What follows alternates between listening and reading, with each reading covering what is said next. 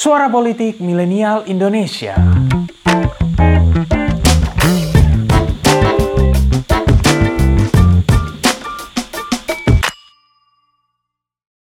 menyatakan walk out dan tidak bertanggung jawab.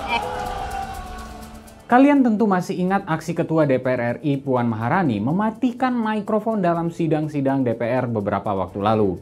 Well, saking membekasnya di mata masyarakat, Bu Puan sampai dapat julukan Kang Matiin Mic oleh netizen.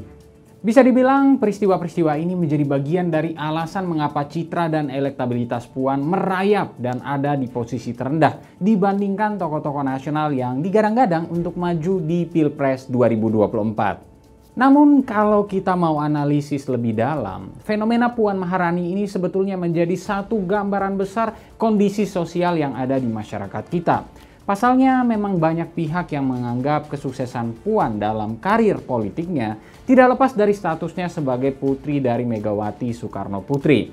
Dan yes, Megawati sendiri bisa sukses tidak lepas dari nama besar ayahnya, Soekarno, yang memang dikenal sebagai sosok utama di awal-awal kemerdekaan Indonesia.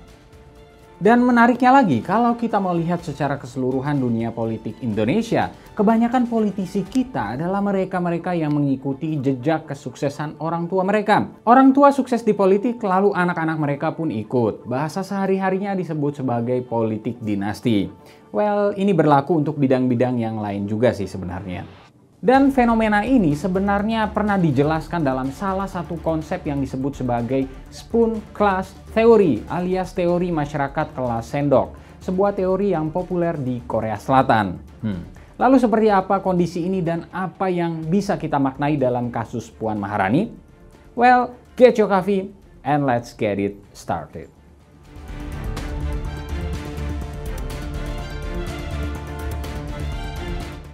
Secara sederhana, spoon class teori berangkat dari pandangan bahwa masyarakat dibagi ke dalam kelas-kelas sosial ekonomi berdasarkan aset dan tingkat pendapatan yang dimiliki oleh orang tua mereka.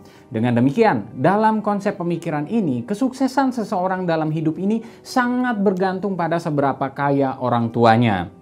Terminologi spoon class itu sendiri berangkat dari idiom dalam bahasa Inggris, born with a silver spoon in one's mouth Idiom ini kurang lebih berarti seseorang lahir dari keluarga kaya raya. Ini karena di masyarakat dulu bahan perak atau emas atau logam mulia lain yang dipakai sebagai alat makan kerap menunjukkan status kekayaan seseorang. Adapun spoon class ramai dibicarakan setidaknya sejak tahun 2015 di Korea Selatan Choi Sung Jin dalam tulisannya untuk The Korea Times menyebutkan bahwa terminologi ini menguat seiring pergeseran yang terjadi dalam masyarakat Korsel, di mana kondisi masyarakat makin menua dalam artian angka kelahiran menurun dan ekonomi yang mengalami perlambatan pertumbuhan. Ini sesuai dengan hasil riset Kim Nak Nyeon, seorang profesor ekonomi dari Dongkook University, yang menyebutkan bahwa kontribusi harta warisan dalam keseluruhan aset orang-orang Korsel telah menyentuh angka 42% di tahun 2000-an. Ini naik signifikan dari hanya 27% di tahun 80-an dan 29% di tahun 90-an. Akibatnya, faktor kekayaan dan kepemilikan aset orang tua ikut menentukan kesuksesan anak-anak mereka di masyarakat. Ini berefek besar loh. Misalnya, masalah pendidikan. Di Korsel banyak perusahaan mensyaratkan pelamar kerja untuk bisa berbahasa Inggris dengan fasih. Bagi anak-anak dari keluarga kelas sendok atas, karena faktor finansial orang tuanya yang bisa memberikan akses ke sekolah-sekolah yang berkualitas, hal tersebut tentu bisa dipenuhi. Namun bagi masyarakat kelas menengah ke bawah, hal tersebut cukup sulit dipenuhi, kecuali pada kasus anak-anak yang memang istimewa secara kecerdasan dan daya juangnya. Akibatnya akses terhadap peningkatan ekonomi dari kelas bawah ke kelas atas menjadi terbatas. Ini membuat baik kekayaan dan kemiskinan menjadi semacam warisan. Ada kelompok yang akan miskin dari generasi ke generasi, demikian pun akan ada kelompok yang kaya dari generasi ke generasi. Efek lainnya juga terasa dalam soal-soal macam perkawinan, beban yang makin besar terhadap generasi muda di Korsel, dan lain sebagainya. Penelitian lain menyebutkan bahwa lebih dari 50% dari generasi muda di Korsel menjawab baik mereka dan orang tua mereka berasal dari kelas masyarakat bawah. Dalam filsafat, beberapa penulis menyebut kondisi ini sebagai sebuah simulacrum, istilah untuk kesamaan atau imitasi dari sesuatu atau seseorang. Adapun klasifikasi kelas sendok itu setidaknya mulai dari yang tertinggi di kelas diamond, lalu platinum, gold, silver, bronze, steel, wooden atau kayu, soil atau tanah, dan yang paling rendah adalah dirt spoon. Masing-masing kelas merepresentasikan jumlah pendapatan dan total aset tertentu. Hmm, menarik ya teorinya. Nah, seperti apa kalau kita adopsi dalam analisis politik, terutama di Indonesia? Well, setidaknya konsep ini memperkuat argumentasi soal politik dinasti dan warisan kekuasaan bagi anak-anak para politisi yang sukses. Dalam kasus Puan Maharani bisa dibilang faktor aset politik Mega, baik dalam konteks ia pernah menjabat sebagai presiden dan wakil presiden, serta statusnya sebagai ketua umum PDIP, sangat menentukan karir politik Puan. Itu kenapa walaupun elektabilitas Puan sangat rendah, bahkan merayap, nama Puan tetap selalu dipergunjingkan potensi pencalonannya untuk capres maupun cawapres di 2024.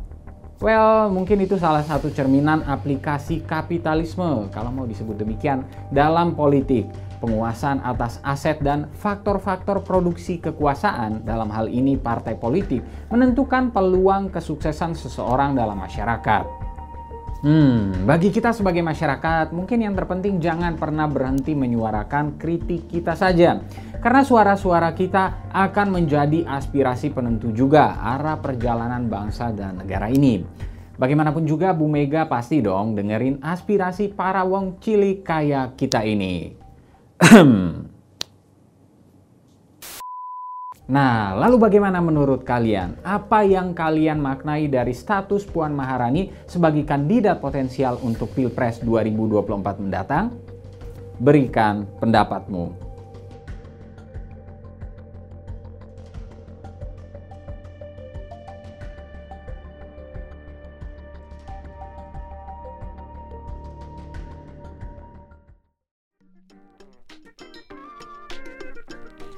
Terima kasih telah mendengarkan episode kali ini. Nantikan episode-episode selanjutnya dan jangan lupa untuk kunjungi pinterpolitik.com untuk dapatkan informasi seputar fenomena politik di Indonesia.